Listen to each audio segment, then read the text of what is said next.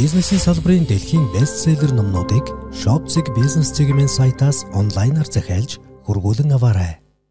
За өдрийн төргийн бизнесийн подкастын сонсогчдод за хар хорон дижитал ахтай бизнес юм сэтгүүлээс хамтран зохион байгуулдаг бизнес нэг сургалт маань одоо 4 сарын цуврал сургалтууд маань эхэлж байна.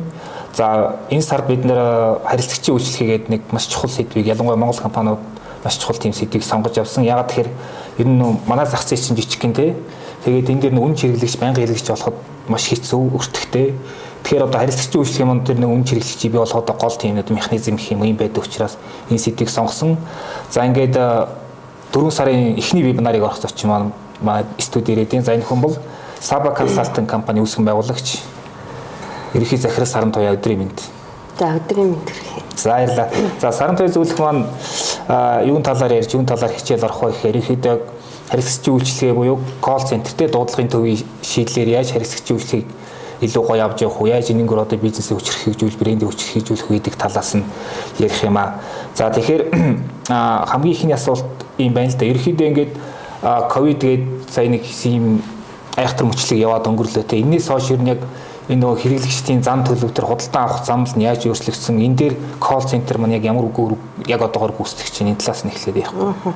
За тэгээ юуны өмнө бас хэрэглэгчийн үйлчлэгээ, харилцагчийн үйлчлэгээгээд одоо энэ аюу чухал сэдвийг хөндөд тэгээд эхний энэ зочноор оролцоо ярьж байгаадаа бол баяртай байна.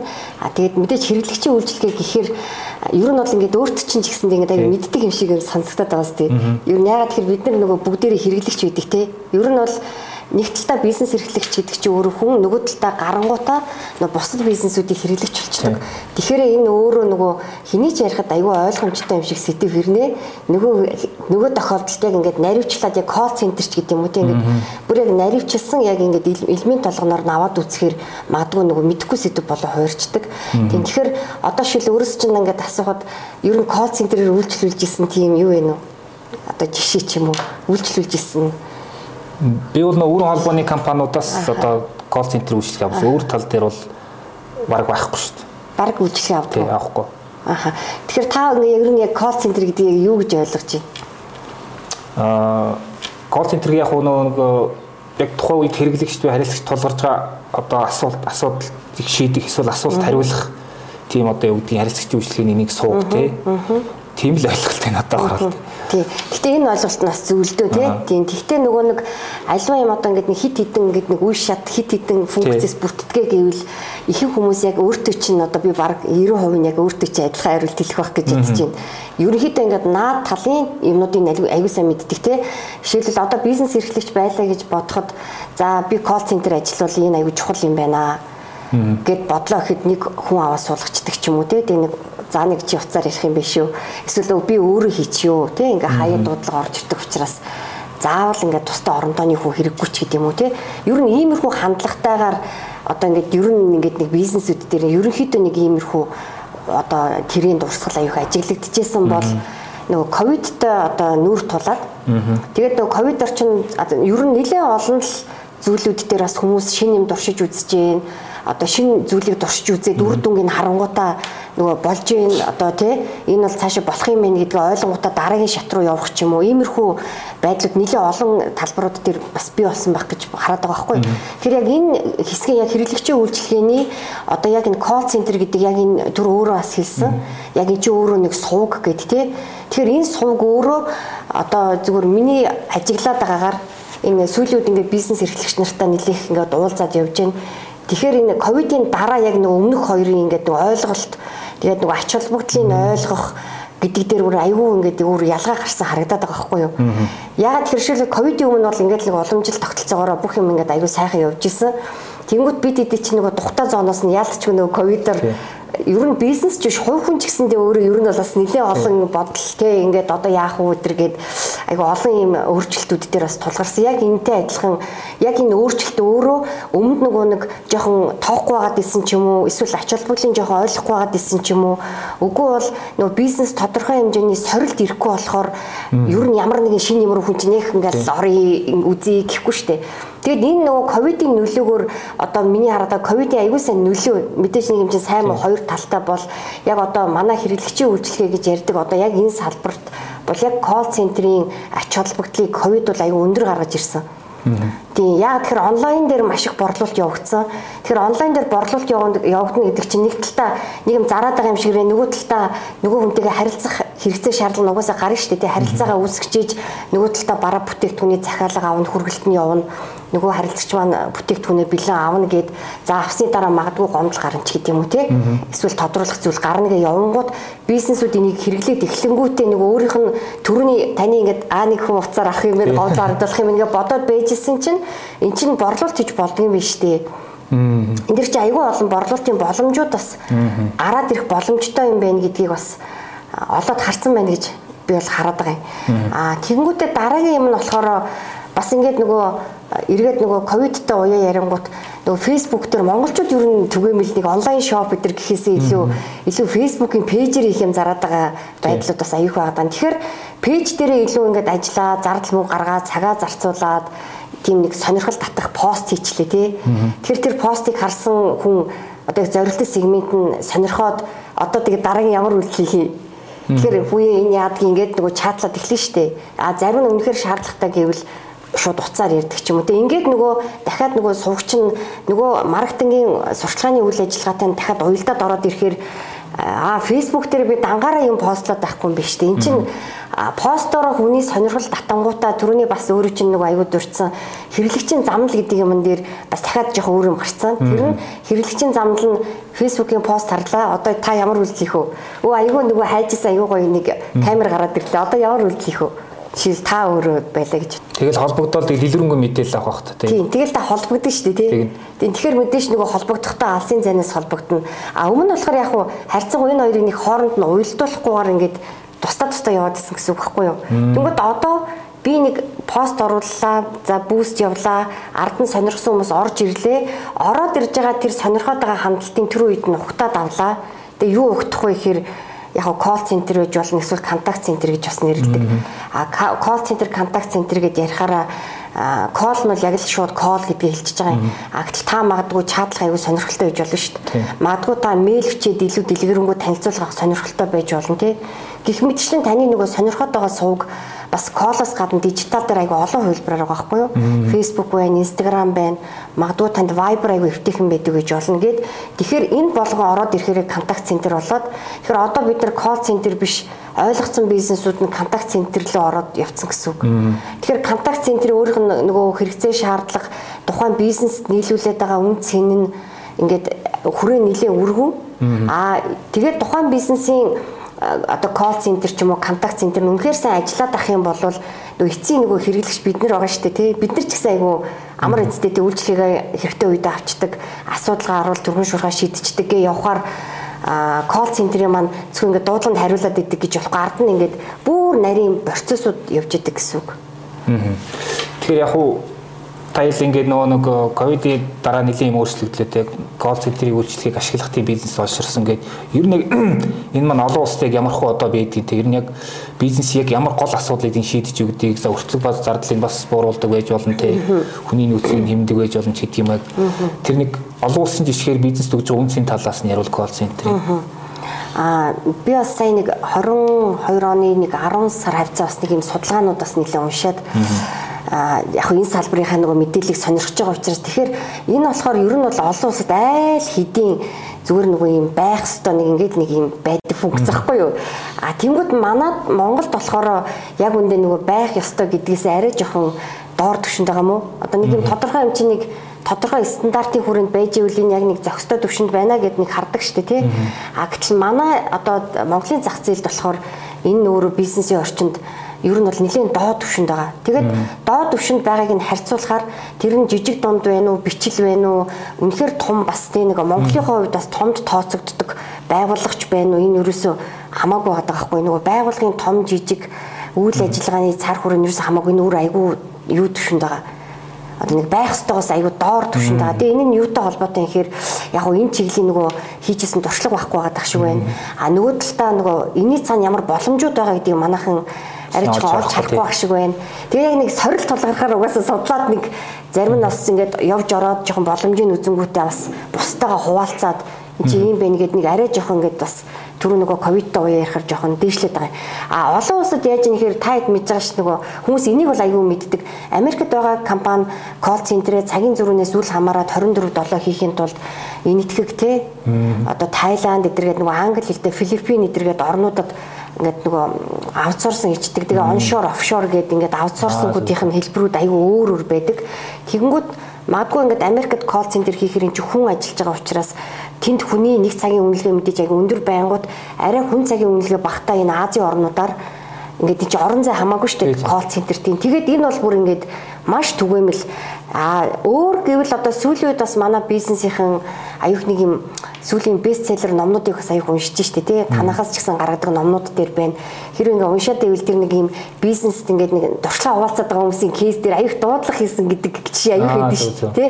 Одоо ингээ эргээд тэр уншижсэн номоо ерөө санах юм бол ингээд аюух дуудлага харилцагч руугаа хийдэг. Тэгээд их дуудлага тогтмол их тусам ингээ борлуулалтын тий уулзалтын тоонууд тэрнээс хамаарсан борлуулалтууд гэдэг нөгөө мэдээж тэр нөгөө ямар бизнес дээр дуудлага хийх нь тохиромжтой а ямар бизнес нь илүү эртэл нь бол илүү тэр сүлжээ югаараа явах юм гэдэг нь бол мэдээж өөр л дөө.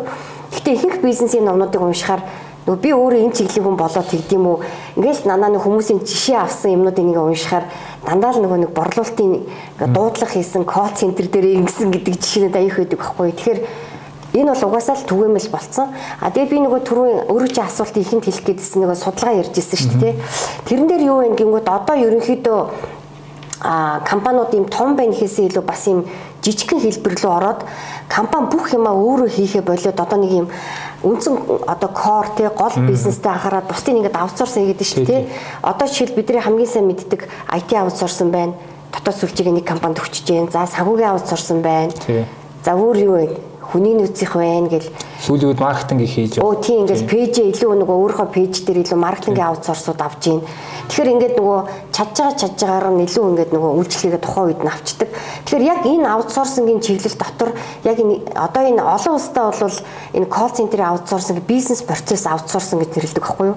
Яг колл центрийн аутсорсинг гэж яг нэршлэрээ биш BPO гэд явахаар дотроо дандаа колл центр аутсорсинг, контакт центр аутсорсинг гэд юунууд нь гараад ирнэ. Тэгэхээр BPO гэж нэрлсэн төрөний нөгөө эн чинь ганцхан дуудлага авах биш юм а. Эн чинь бизнесийн тухайн нэгжийн бүх процесс руу н оролцоод яг анхны авж байгаа нь тэр хүний дуудлага болохоос биш тэр хүнд нэг бүтээгдэхүүн зарах гэж байгаа бол дараагийн нэгжүүд нь ороод явна шүү дээ. Гомдол барагдуулах гэж байгаа бол дахиад дараагийн нэгжүүд нь ороод явах учраас өөрөө бизнес процесс руугаа илүү ороо явчихдаг. Тэгэхээр энэ талаас нь хараад хийж чадах юм бол нэг өгөөж нь бол айгүй их. Тэгээд тэр тренд дээр ганцхан BPO-гийн одоо одоо хэрэглэх нөгөө дэлхийн чиг хандлагын тоон энэ 23, 24, 25 онд хамгийн өндөр хувьтай байгаа хгүй өсөлт нь. Компаниуд энэ үйлчлэгийг илүү авах юм байна гэдг нь ингээд нөгөө саяны яриад байгаа аутсорсингуудаас бас илүү харагдаад байгаа юм. Тэгэхээр энэ өөрөө мэдээж компаниудад хэрэгтэй учраас л тэгээ мэдээж ковид ганцхан Монголд болоогүй болохоор бас мэдээж бизнесүүд дэлхийд даяараа энийг ойлгоод тэгээд энэ нь өөрөө нөгөө дижитал руу шилжих шилжилтийн бас нэг хурцгадаг элемент хэсэг нь гэж бас хараад байгаа юм. Тэгэхээр та түр ярьсан ингээд манайд бол ерөөхдөө нутагч нутагч нутагчсан байдал нэг юм уу одоо ойлгож хэрэгжиж байгаа байдал нэлийн даавар байна. Тэгэхээр тэгээ Монголын компаниудын энэ дуудлагын төв гэдэг дээр ер нь яг тийм гол гаргадаг нийтлэг алдаанууд гэвэл тий одоо ач холбогдын дотн үнэлдэг ч юм яг тэр талаас нь яг юу ажиглаж байна да. Аха. Тийм яг уу нийтлэг алдаа гэхээсээ илүү минийхаар нөгөө боломжоо олж хараагүй болов уу гэж бод. Энэ их алдаад байгаадад нэг биштэй ингээд тэр хүн өөрийнхөө ингээд буруу хийгээд алдаад байна гэдэг нь гэдгээсээ биш ингээд нөгөө одоо манайх чинь жишээл манай одоо нөгөө одоо Saba X гэдэг компани байгаа байхгүй юу? Энэ компани маань болохоор илүү үндсэн үйл ажиллагааны гол юм нь ерөөсөө дуудлагын төвийн аутсорс хийдэг. Тэгэхээр чинь яг энэ үйлчлэгийнхаа хүрээнд маш олон бизнес эрхлэгч нартай ингээд янз бүрийн салбарын хүмүүстэй ингээд уулзж яхад ингээд зүгээр боломжоо л олж хараагүй юм байна даа л гэж бодоод байгаа. Тэрээс энэ хүн алдаад ерөөсөө нэг аягүй буруу ойлгоод байна. Эсвэл энэ хүн яг өөрийнхөө энэ дээр ингээд хийчихэд ингээд буруу тийшээ яваад байна гэдгээсээ илүү яг энэ хаалганы зан юу байгаа гэдгийг. За тэгвэл ямар боломжууд яах вэ? 1 2 3 гэдэг нь хамгийн гол болсон. Хамгийн гой боломж нь гэвэл заадаг амарлаг борлуулалт морлолт гэж ярихгүйгээр бүр ингэж ихний борлуулалт нь гэхээр одоо төрөний бас өөрөө чи ярьсан энэ пэйж дээр айгүй актив ажиллаж байна. Ингээ ер нь их идэвхтэй хэрэглэгч байгууллагууд тогтмол ингээд Facebook дээр маш гой гой контент оруулж байна. Тэр нь хүн бас хэрэгтэй контентууд байна.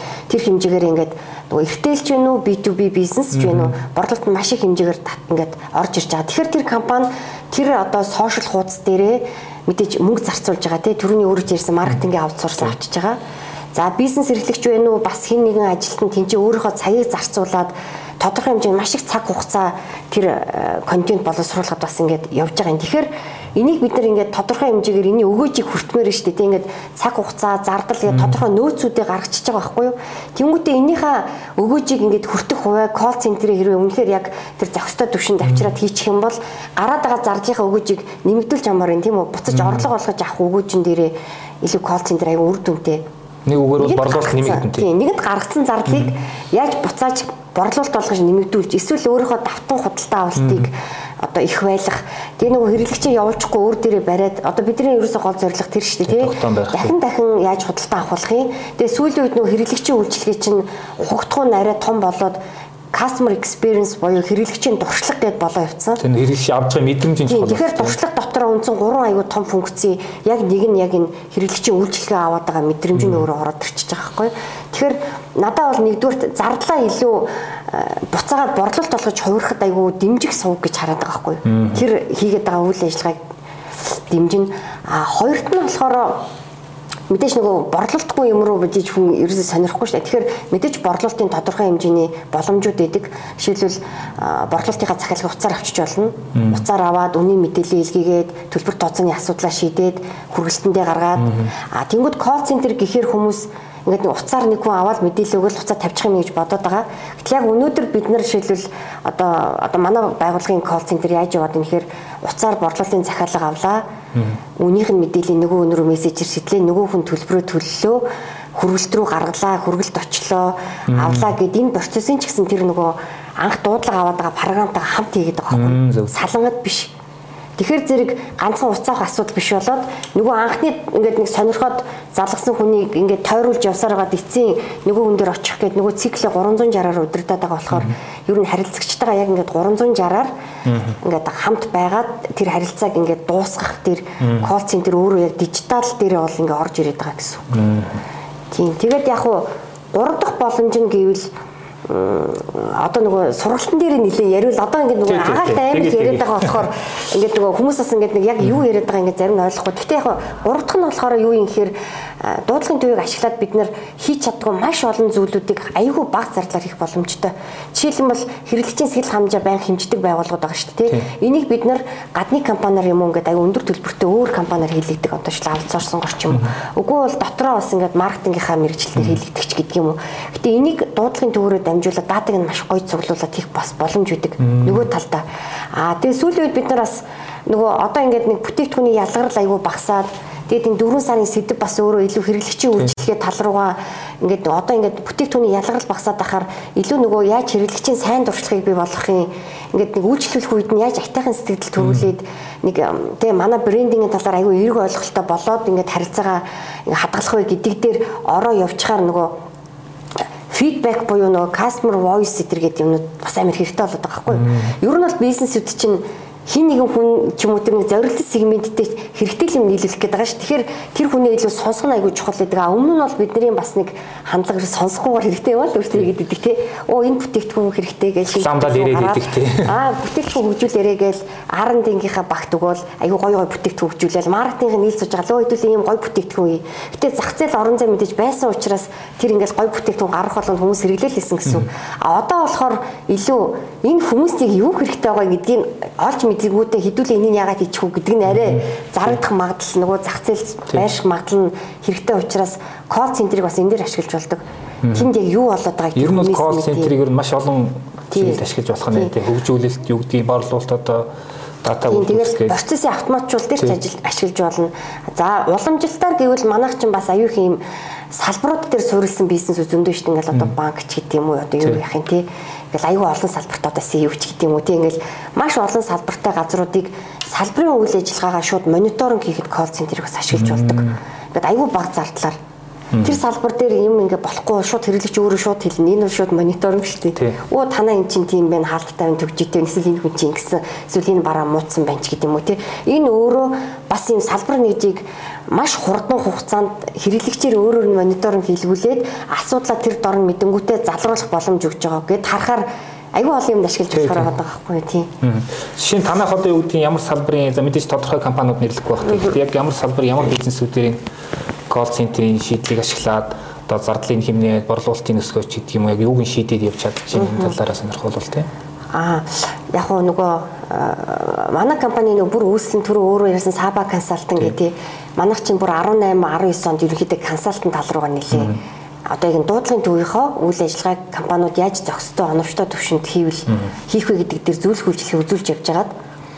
Тэгээ ер нь бол энэ дуудлагын төвийг аутсорсон гэдгийг нь өөрийн хийх ёстой юм байна. Бол консалт өгөөд тахаар энэ чинь нэг талын юм болчоо тий. Нөгөө компани маань өөрөө хэрэгжүүлэх үгүйгээс бас аюу хамааралтай штэ зөвлөх үйлчлэг чи ер нь бол тий тэгэхээр ер нь бол ямар нэгэн ингэдэг нөгөө юм юу байхгүй салбар яг тийм салбарт энэ хэрэгтэй гэсэн юм ерөөсөй байхгүй том жижиг хэмжээч байхгүй яа тэгэхээр ямар ч бизнес нэг хэрэглэгчтэй л байгаа.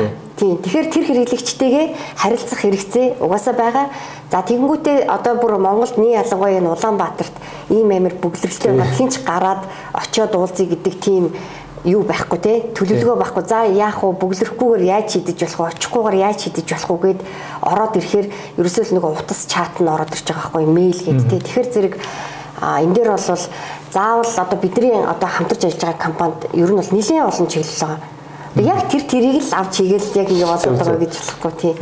Жишээ нь яг та өмнө надаас түр асууж яг call center ямар үйлчлэгүүд авч ирсэн гэж бас нэмээ саналаа л да. Одоо энэ даатгалын компаниуд гайг ашиглаад ташгүй ингээд яриад таны даатгалын хугацаас нь дуусчих тий хариуцлагын даатгал нь жолооч юм. Тэгээд сунгыг гэвэл тэгээд мөнгө шилжүүлээд гэрээ зүгээр хүрээд ирж байгаа байхгүй. Тэгээд ямар шаашаач гарах шаардлагагүй тий. Тэгэхээр бас нэг юу асуусан асууя гэж бодсон гэхээр одоо яг нэг түрүү яар соёл хэрэглэгчийн мэдрэмж хэрэглэгчийн туршлага гэдэг. Тэгэхээр call center нь илүү дижитал шийдэлтэй ингээд face to face биш те. Тэгэхээр яг тэр хэрэглэгчийн авах мэдрэмж юу нэг яаж өөрчлөгдөж яах нь юу гэдгийг тэр талаас сонирхолтой бас манайхан чинь ялд голдуу ингээд уулзж ээж нэг амаар хариулт авч ээж бас нэг тийм сэтгэл намардаг тал байгаа даа шүү дээ. Тий. Тэр чинь түрүү нэг ковидын үед мэдэрсэн ш заавал уулзах хэрэггүй юм байна тий. Одоо бид нар нөгөө би байгууллагууд ч гэсэндээ ингээ хоорондоо уулзын уулзыг илтгэдэг ш тий. Тэгэл нэг юм офс мовс төр уулзах тохирол уулзах гал буу юм болдог бол одоо бас зарим байгууллагууд чинь онлайнаар уулзчихъя. Одоо бид нар тэгээд байгаа шүү дээ. Уулзалтаа онлайн их юм уу очиж уулзах юм уу гэж ингээ асуугаад байгаа болохоор энэ чинь өөрөө нэг нэг дайлуудыг хэрэгэлсэн зүүм анх ороход ингээл нэг яад юм болоо гэдэг одоо бол баг хүн болгоно юу баг ингээл байдаг юм. Тий анх ингээл яад юм болоо гэдэг ингээл айгаалтын зүүм дэр яг 20 онд би нэг анх зүүм яг ковидор бол ингээд хэрэгжилж яхад аюу хэцүү санагдчихсан бол одоо энэ зүгээр л өдөр тутмын зүгээр л нэг ажлын нэг хэрэгсэлсэн байгаа байхгүй. Тийм тэгэхээр зэрэг хүмүүс нэг онлайнаар үйлчлэл аваад сурцсан болохоор одоо илүү амар байгаа байхгүй юу? Шал дэмий очиод тий бүглрүүл амар олон цагаа нэгдүгээр цаг үргэж гин мөнгө үргэж гин тий ингэж яхаар зүгээр ингээд нөгөө уцаар ажиллахаар авчий гэдэг нэг би асуудлыг шийдвэл бүр амар nice те ингээ явчихна. А бизнес эрхлэгч нар яг энэ талын юмыг бас харангуйтаа түр хэлсэн. Би бизнес өнөөдөр дуудлагын төвийн аутсорсингийн бизнес эрхэлдэг байлаач би ийшээ гараад сайн ярьсан даатгалын хэрэглэгч штэ. Тийм тэгэхээр зэрэг бас өөрөө ингээ мэдрэнгүүтээ одоо юу болж ийм ихээр манайхан бас ингээд амар агттай юм ингээд дуудлага алдмааргүй байна гэдэг болцсон байгаа байхгүй юу бизнесээ одоо эрхлэгч нар ерөөс дуудлага алдтал манад амар байгаад байна. Энэ дуудлагыг ерөөс алдмааргүй. Бүх дуудлага авдаг баймаар байна гэдэг. Яг манайхтай ерөөс уулзаад байгаа шалтгаан ерөөсөө л юм. Аа зөв зөв. Ингээд тэр цаатал матын одоо иршигдээ түүнээс амар олон боломж боломжийг заавал харсан ч үж болно хараагүй ч үж болно. Гэхдээ тэр хүн юу гэж ойлгоод юм хэрэг энэ дуудлага өөрөө амар чухал юм байна гэдгийг л ойлгоцсон байхгүй юу? Энэ өөр аюул чухал өмнө бол тоодогч байсан шүү дээ тий. Тэгсэн чи одоо ингээд орж ирээд за та ингээд манахаас яг ямар асуудлаа шийдвэрлэх гээд орж ирж байна гэд ярангууд ерөөсөө л энэ дуудлага алдалтыг л болмоор байна. Энэ дуудлага алдалтгүй л болгоод эхлээл энэ аюул чухал юм. Тэгвэл та яагаад дуудлага алдалтай болох гээд байгаа ингээд тэгэхээр нөгөө түрүүний хэрэглэгчийн туршлага өөрөө бий болцсон байна. Хэрэглэгч нь бас илүү очихгүйгээр ингээд асуудлаа бас айрлахаар хурдан шийдвүүлчмээр байгаа даа а гурав дахь шалтгаан зүгээр би ажилласан яг энэ гэдэг нарийн дата бол байхгүй. Хүмүүс ингээд пэйж дээр айгүй актив яваад байгааз. Тэнгүүд тэр компани дээр ямар нэгэн ноо гарна штэ. Эсвэл ингээд юмаа шийдвүүлэх гээд уцаа авахгүй гадаг штэ. Тэнгүүд ерөөсөө л фэйсбүүкийн комментэн дээр бичиж байгаа хгүй юу. Өө энэ компани ингэдэг ингэдэг ингэдэг уцаа авахгүй байна. Надаа ийм проблем тохиолдоод би бүр уцын навтал авах авахгүйхад байгаа хүнчил мэдээж уцаа авахгүй гэж гомдох болохоос нэг бүтээгдэхүүн авъя гэж нэг сонирхол залсан чи уцаа авахгүй бол нэг тэр бол тоохгүй тий.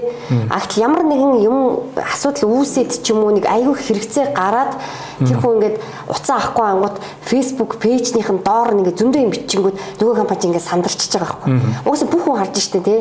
Ингээд одоо 50 мянган дагагчтай нэг пэйж ээж гэсэн чинь доор нь шил саран тэгээ эднийх одоо уцаа авахгүй маа. Би нэг ийм асуудал шийдвэр та уцаа аваач гээ бичээд тахаар. Хүүе нөгөө 49 мянга хэдэн зуун ингээ харж байгаа болохоор энэ чинь брендингийн асуудал болоод эхэлчихэж байгаа байхгүй өмнө нь бол яг нэг хүн ингээл уц уцаа авдгүй эднийх айгүй онцгүй компани ингээл би уурлаад хажуудлын найз чамд орж ирж яриад ингээл бүх юм гаргаж байсан чинь одоо нөгөө дижитал ороод ирж байгаа юм бас нөгөө нэг тал нь хэрвээ миний асуудлыг шийдэж өгөхгүй бол би сошиал гаргаж ирж байгаа байхгүй одоо бүр ингээ пэйж дээр нь ч хувь хүмүүс ч гэсэндээ одоо ингээд олны бас ингээд олон дагагчтай хүмүүс ч гэсэндээ ингээд бүр ингээд тааглаж байгаа бичээд байгаа хэвээр ингэж юм тэгж ин гэхэр чинь чинь өчнөө ингээд жил аюу гой брэндээ бий болгоцсон юм. Нэг хүний асуудлыг шийдэг өгс болол одоо тийм муухай юм шиг харагдаж бас болохгүй байхгүй. Тэгэхээр дуцаа авах ингээд хэрэгцээ нугасаа яалтчгүй ингээд саяны хэрэглэгчийн дуршлаг хэрэглэгчийн үйлчлэгээ бас дагаад заавал нэг уцаар юм зарах гээд байгаа даа ч чухал биш те. Компанийнхаа брендинг чи өөрөө хэрэглэгчийн дуршлагын бас нэг бүрэлдэхүүн хэсэг баггүй одоо танаа брендинг чи өөрөө хэр сайн хэрэг байна гэхээр нөгөө брендэнд хин нөлөөлөх гээд байгаа гэхээр асуудлыг шийдэж өгөхгүй байгаа нөгөө гомдод байгаа пэйж дээр нь олон юм бичээд байгаа нөхдүүд ороод ирэнгүүт яна уцаахгүй л ерөөсө болохоо байлаа гэдгээ бас эн чинь бас нөгөө талаас нь нөгөө хэрэгцээ шаардлага нь орж ирэхээр ингээл аюу олон шалтгаанууд нийлээд байгаа болохоор нөгөө кол центр нэлийн одоо жоохон юм ярианы сэд болоод байна гэсэн үг гэсэн үг. Тийм тэгэхээр яг нөгөө би нөгөө сургалт хийх гээд байгаа шүү дээ. Тийм болохоор илүү яг дуудлагын төв гэдэг хэрэглэгчийн үйлчлэгээ гэдэг бүр нарийсгаад арга зүй талаас нь тэгээд дуудлагын төв гэдэг бүр ингээд дотор нь жижиглээд тэгээд өнөөдөр хүн та зөв ойлгоод байгаа мó буруу ойлгоод байгаа мó гэдгээ л ойлгочиход эхний эсвэл за зөв буруу ч яг нөгөө боломж гэдгээ олж харсан юм уу?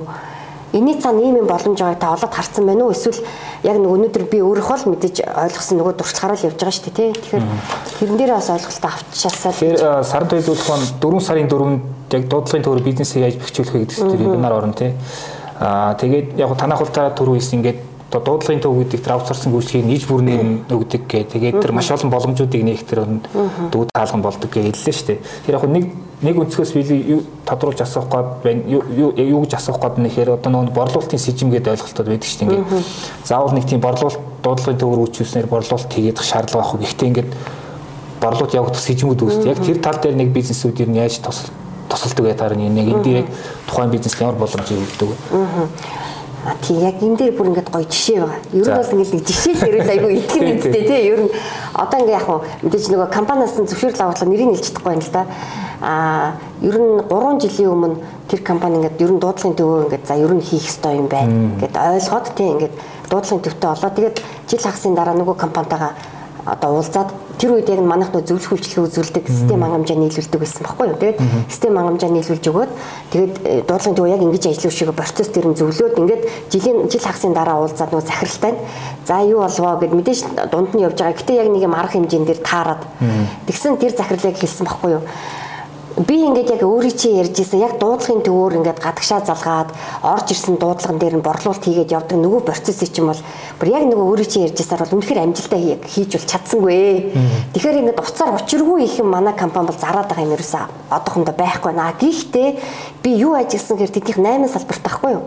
Ингээд Улаанбаатарын нэлээд олон дүүргүүдэд 8 салбартай дуудлагын төвийг яг ингээд нөгөө хэрэгжүүлээд яг нөгөө байх ёстой төвшөнд нь хийсэн чинь манай нөгөө 8 салбар дээрх борлуулалт бол бүр яалтч хүссэн. Тэр бол үнэхээр дуудлагын төвийн нөлөө байсан шүү гэдэггүй. Тэгэхээр салахаар нь би дараа нь юу гэж бодсон хэрэг а энэ хүн мэдээж 8 салбараараа мэдээж тийм маш том борлуулалт явж байгаа шүү дээ.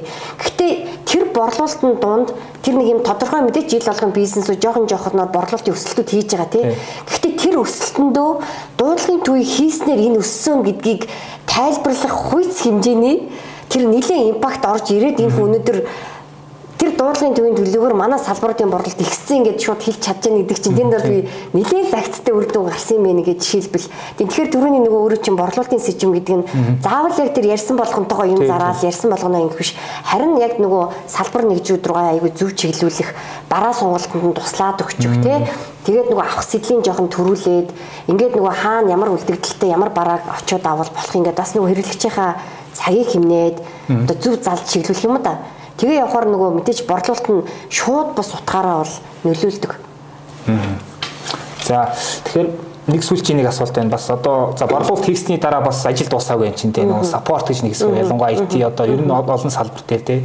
Тэгэхээр дуудлагын төвийн шийдлийг саппорт тал дээр нь бас яаж тослох вэ? Энэ дээр туршлага байвал ярьж өгвөл.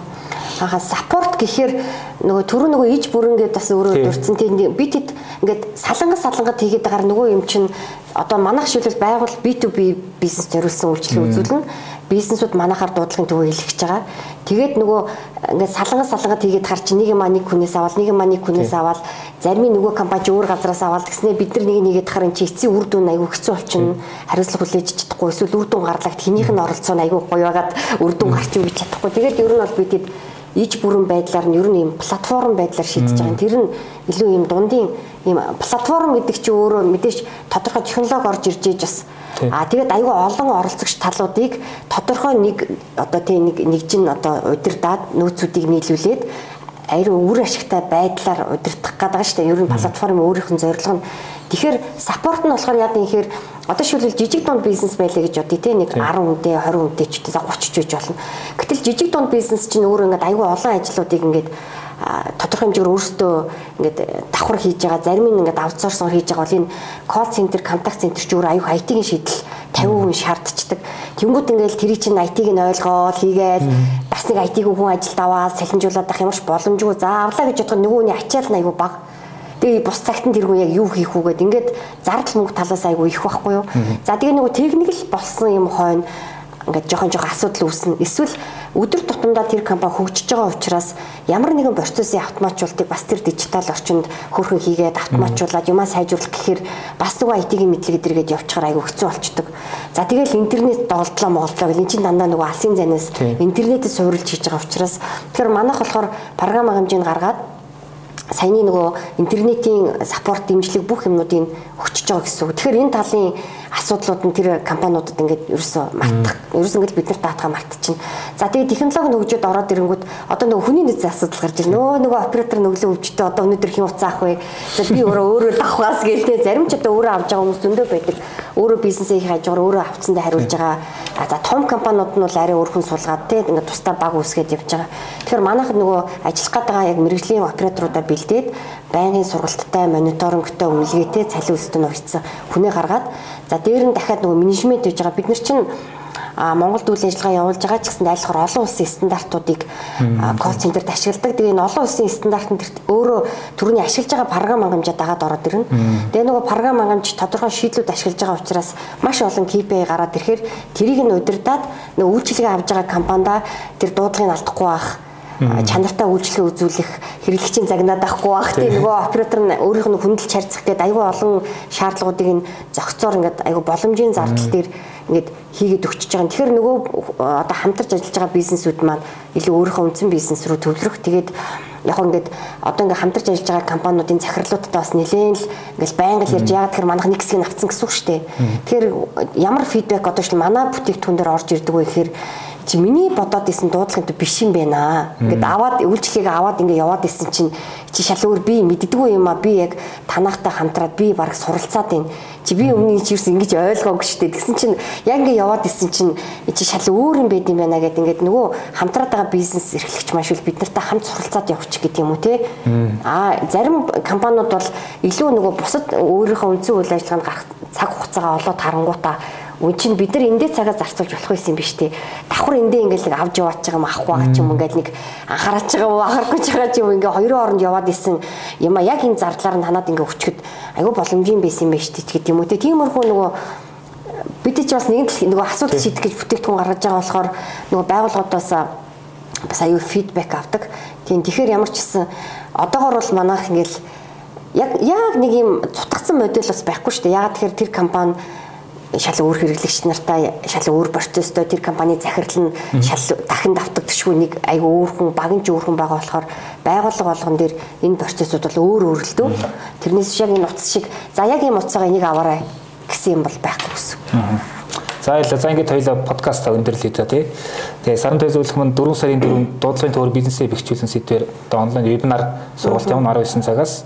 За тэгээ яг хуу сонсогчтой хамтаа зүгээр би өөрийнхөө зүйлс хэлэх гээд байгаа нөгөө харилцагчийн үйлчлэг гэдэг нь ерөөхдөө юу гэдэг яг орчин үед ингэ юу гэж ойлгож байна гэхээр ийм одоо тухайн бүтээгдэхүүнчлэгийн нэмэн өртөг шингээдэг тийм маш чухал хүчин зүйл болсон тий. Аа тэгээд тэр дундаа дуудлагын төвийн шийдэл гэдэг бол одоо энийг өртөг багтаа амар хэлбэр аргаар шийдэх аутсорсонгоор гэдэг чинь бүр амар хэлбэр болно гэсэн үг шүү дээ. Ийм арга байгаа шүү энд анхаараарай гэдгийг хэлэх гээд байгаа. За баярлалаа танд.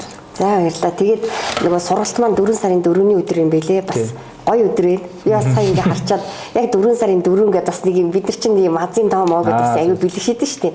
Тэгээ бас гоё яг 4 4 гэдэг бас гоё өдөр таарж байгаа юм байна. Тэгээд сургалтаараа аль болохоор нөгөө практик тохиолдоод байгаа проблемуудыг байгууллага дотор ямар хөө байдлаар ямар түүл ашиглаад эсвэл зохион байгуулалтаа яаж жоохон өөрчлөөд энийг хийж болдгоо гэдэг дээр илүү нөгөө ингээл дуршлаг дээр суурилсан одоо нэг зөвлөгөөч гэдэг юм уу те нэг юм аргачлалууд дээр төлсүүд дээр илүү бизнес эрхлэгч нартайгаа нэг тийм ярилцах байдлаар хичээлээ зад юм уу? Тий асуулт асуулт байдлаар тийм тэгэхээр хэрвээ энэ сургалтанд ийм туршлага солилцох мэдээлэл авах гад 4 сарын 4-нд ингээд орж ирэх гэж байгаа хэрвээ бизнес эрхлэгч байх юм бол өөрөө асуултаа наан гоё бэлдээд тэгээд нөгөө сонирхож байгаа асуултандаа бас хариулт авчвал илүү өөрт нь илүү бас өвчтэй байх болов уу гэж бас бодож байна. За баярлалаа. За за баярлалаа.